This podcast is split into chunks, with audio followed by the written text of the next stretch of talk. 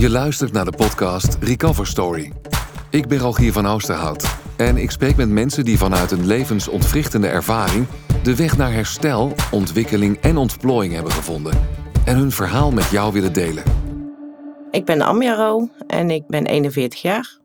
Ik ben getrouwd en heb drie uh, dochters. En ik kom vertellen over conversiestoornis, omdat ik zelf negen jaar lang in een rolstoel zit nu. En uh, daar komt langzaam verbetering in. En ik hoop wat meer bekendheid te maken over conversiestoornis. Dankjewel, fijn dat je er bent. Ben je gespannen voor dit gesprek? Ik ben heel gespannen. Amjano, je zit in een rolstoel nu. Uh, je zegt door een conversiestoornis. Kun jij kort uitleggen wat dat is, een conversiestoornis?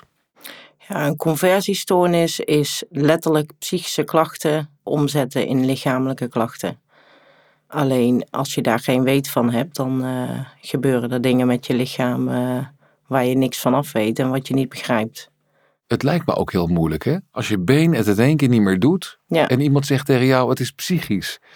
Dan denk je, hoe kan het nou? Dat been doet het er gewoon niet meer. Ja, ja dat is heel, uh, heel dubbel. Daardoor raak je ook geestelijk echt in de knoei met jezelf. Omdat je um, letterlijk niet weet waar dat knopje zit om het weer wel te laten werken. Ja. Ja. Hoe zijn ze erachter gekomen? Of hoe ben jij erachter gekomen? Nou, het is begonnen met een um, uh, schouderontsteking. Daar kreeg ik toen een uh, spuit voor. En toen kwam ik letterlijk thuis te zitten. En um, ik werkte op dat moment, uh, ik denk 60 uur in de week. En uh, natuurlijk een gezin met uh, drie kids, dus drukke boel. Ja, van de ene klacht ging het naar de andere klacht. En begon ik trillingen te krijgen in mijn linkerbeen. En nou ja, naar de huisarts en doorgestuurd naar het ziekenhuis, allerlei onderzoeken. En daar kreeg ik te horen van, nou, we kunnen niks vinden. En na drie maanden was mijn been uitgeschakeld, letterlijk. Dus ik kon er niet op staan. Ik had er geen gevoel in. Ik voelde niks. Weer ziekenhuis in. Uh, nou, weer te horen gekregen, er is niks aan de hand. En uiteindelijk werden mijn uh, teennagels werden letterlijk zwart. Mijn been werd echt hartstikke paars. Dus de doorbloeding uh, was niet goed. Nou, daar dus wel voor naar het ziekenhuis gegaan. Dan krijg je elektrotherapieën en... Maar dat, dat hielp niet, maar uiteindelijk konden ze gewoon niks vinden, waardoor mijn been het niet meer deed. En na vier jaar ziekenhuis in, ziekenhuis uit, uh, een jaar lang revalidatiecentrum, uh, kwam ik in een depressie. Daar ben ik drie keer vier maanden opgenomen. En daar kwam ik in contact met iemand die vertelde van, goh, je zou eens naar uh, moeten gaan. Dat is traumaverwerking. Nou, in eerste instantie wilde ik dat niet. Omdat ik gewoon niet accepteerde dat het aan mijn trauma's lag. Dat mijn been het niet meer deed. Ik heb me eigenlijk toch ingeschreven om te kijken van nou, wat is het? Uh, wat gaan we doen? Met hulp van uh, mijn omgeving heb ik toen besloten, oké, ik ga me inschrijven. Dat heb ik gedaan, ik ben daar geweest. En ik kreeg toen te horen dat ik twee keer daar naartoe zou moeten. Om mijn trauma's te verwerken. Ja, dat was eigenlijk niet uh, wat ik ervan verwachtte, omdat ik er niet open voor stond. En heb toen ook zoiets gehad van, nou, uh, ik ga dit niet doen. Een beetje poppenkast gespeeld, wat ik eigenlijk al die jaren uh, deed en wat me ook heel goed afging. En natuurlijk weer in een depressie geraakt, weer opgenomen geweest. Um, zelfs op de euthanasielijst uh, gestaan. Ik heb op dat moment uh, afscheid genomen van mijn man, van mijn kinderen. Die stonden daar op dat moment ook achter, omdat, omdat voor mij gewoon het leven gewoon geen zin had. En wat het dan is waarom ik alsnog een tweede keer daar naartoe ben gegaan, kan ik niet zeggen. Uh, maar ik heb toen toch besloten om daar naartoe te gaan. De tweede dag dat ik daar was, zat er een vrouw voor mij en die zei tegen mij van ja, waar, waarvoor ben je hier? En ik zeg nou ja, om mijn trauma's uh, te verwerken. En zij keek echt letterlijk door me heen en die zei van ja, je, bent, je, je zit voor me, maar uh, je speelt een spelletje.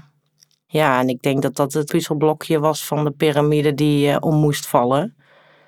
En toen hoorde ik dus ook voor het eerst van conversiestoornis. En ja, heb ik alles op alles gezet om hulp te zoeken. Voelde je erkend op dat moment? Um, nou, ik weet niet of ik me erkend voelde, maar meer gezien, denk ik. Ik denk dat ik me, mijn hele leven mezelf heb uitgeschakeld. En um, ik heb natuurlijk een man en kinderen en, en dat is hartstikke mooi. En, en ik hou er ook zielsveel van, maar ik was gewoon uitgeschakeld. En was jij uitgeschakeld, uh, want je, je, spreekt over depressies. Uh, had je die depressies door het feit dat je ineens met een uitgeschakeld lichaam zat zo'n beetje en daar geen antwoord op wist te vinden? Of, of, of zijn die depressies voortgekomen uit um, de, wat jij noemt, eerdere trauma's in je leven? Ja, ik denk dat ik geconfronteerd werd met het feit dat ik dus trauma's heb maar waar ik gewoon niet over wilde praten. Dus het harde werken was misschien ook wel een manier om uh, vooral nergens bij stil te hoeven staan. Ja, zeker. En toen jij thuis zat, uh, kon je niet anders ja. Dan stilzitten. Ja. ja. En, en nou heb je het over trauma's. Kan je er iets over vertellen wat je, wat je meegemaakt hebt? Is er iets wat je met me kan delen? Ja, ik kan, uh, kan een stukje van mijn verleden vertellen. Ik ben ehm, geboren in een gezin waar ik uh, niet welkom was. Mijn vader heeft afstand van mij genomen toen ik twee was. En dus ik bleef achter bij mijn moeder. Mijn moeder was verslaafd aan alcohol en drugs. Op zesjarige leeftijd ben ik voor het eerst seksueel misbruikt. En vanaf mijn zes tot mijn veertien heeft mijn moeder mij uh, verkocht aan mannen voor uh, alcohol, drugs, taxis. Alles wat ze nodig had.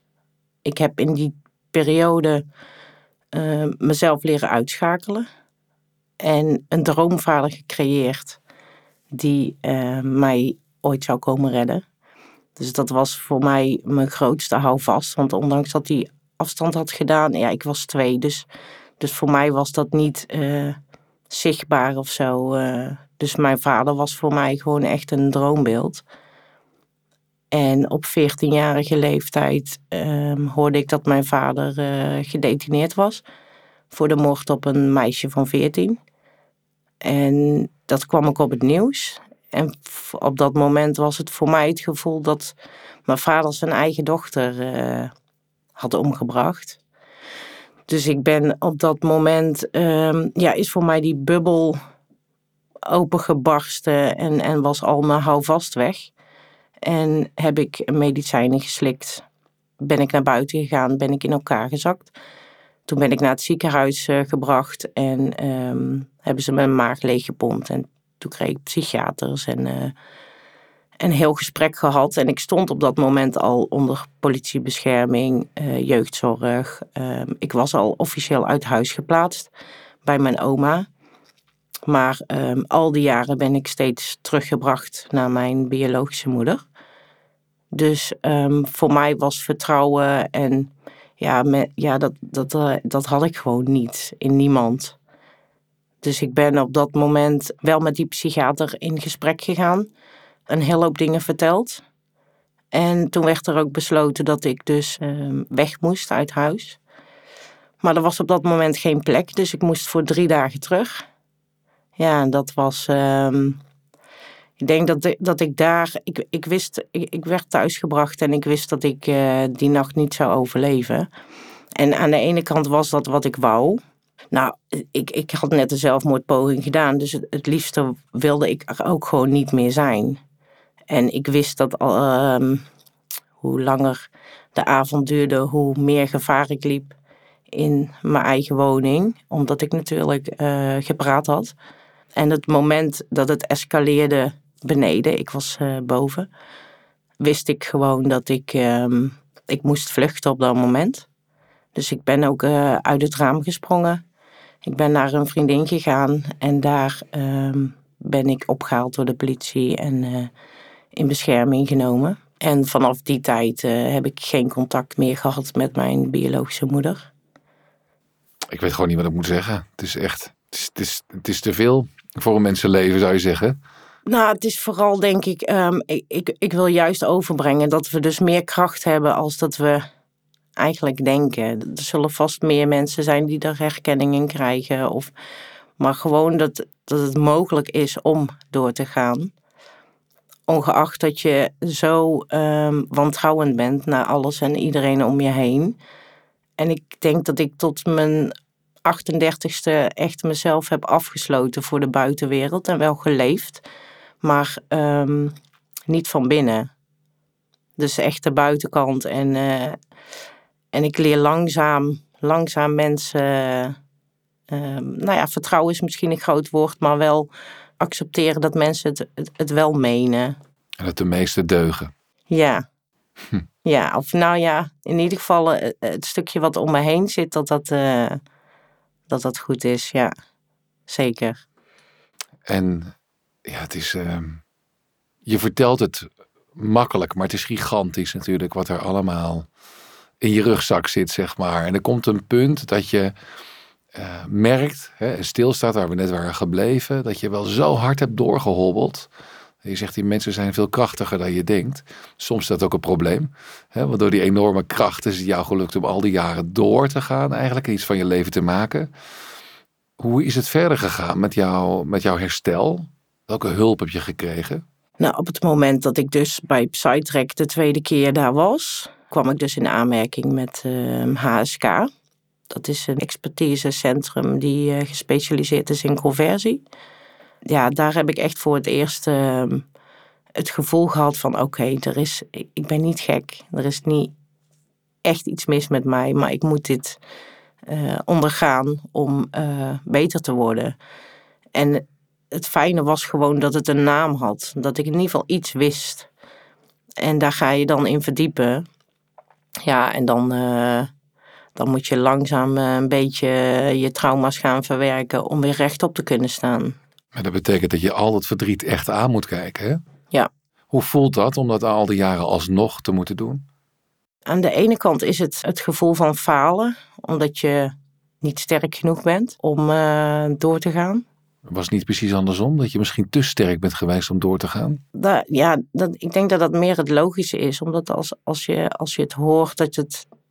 Ja, voor mij is het gewoon meer het gevoel van: oké, ik, uh, ik uh, ben zwak geweest en ik heb mezelf niet staande gehouden.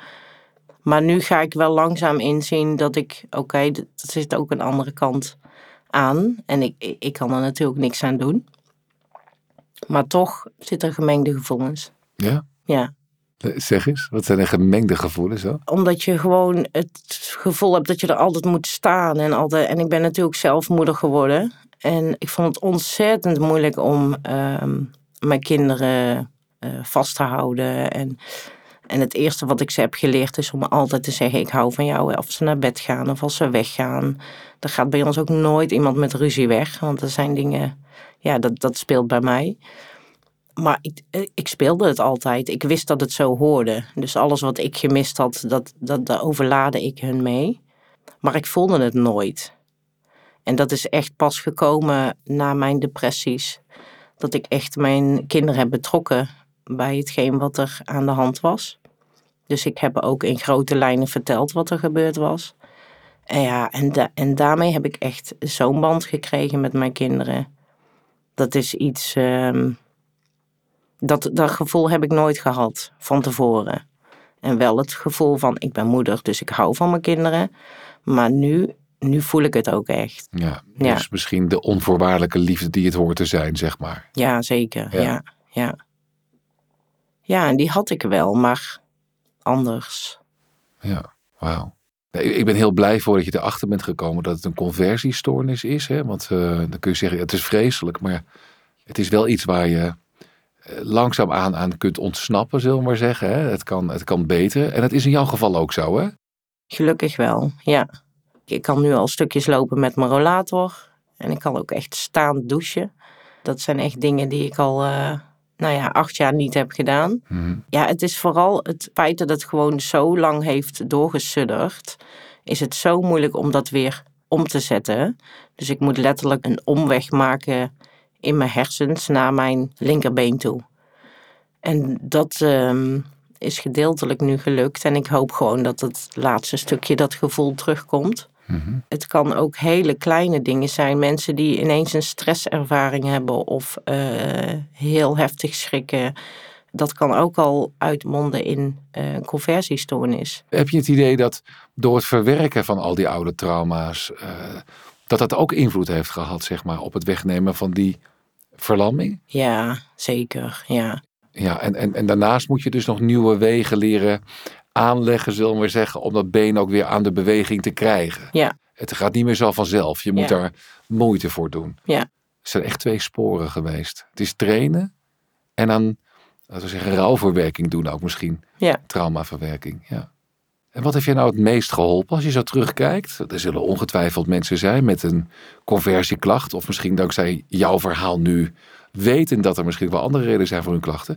Wat, wat, wat heeft je het meest geholpen? Dat ik onder ogen zag eh, dat het een conversiestoornis was. En accepteren dat het dat was. Dus dat het ook echt met de trauma's te maken had. Vaak wil je dat wegstoppen. Maar nu was het gewoon, ja, ik kon het niet meer wegstoppen. Nee. Omdat het nu zichtbaar werd. En het meeste geholpen heeft me door er langzaam voor open te, ja, voor open te staan om het te kunnen delen. Jouw verhaal te vertellen. Ja. En nu uh, hoop ik dat dit ook een stukje is. Ik, dat, dat ik mensen mee kan geven. Um, dat, het, dat je niet hoeft te schamen voor een conversiestoornis. Dat het niet iets is wat je expres doet of wat je iets aan kan doen om het te voorkomen. Maar ook voor mezelf. In de hoop dat dit ook voor mijzelf een stap is in de juiste richting om naar buiten te komen. Om een keer mijn verhaal te vertellen. En ik hoop dat dit gewoon uh, mezelf ook weer een boost geeft. Dat het oké is en dat ik me niet hoef te schamen. Schamen hoef je sowieso niet. En heb je nou nog wel eens depressies gehad eigenlijk? Of hangt het echt vast aan die periode waarin je niet wist wat er met je aan de hand was?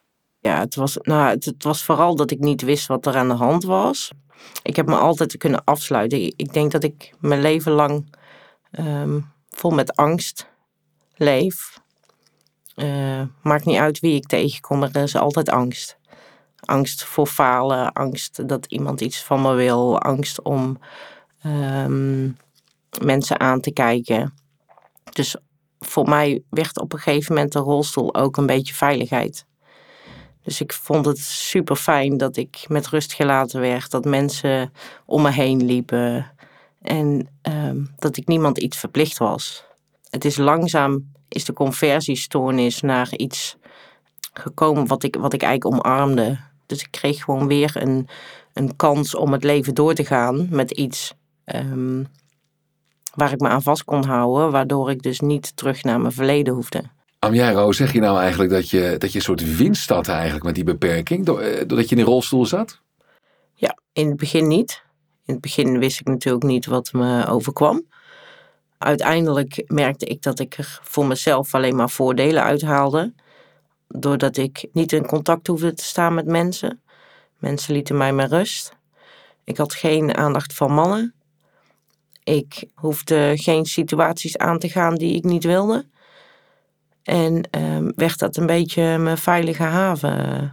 Ja. Om in de stoel te zitten. Ja. En dat was natuurlijk veel makkelijker dan mijn trauma's aangaan. Ja, en opstaan en aankijken. Ja.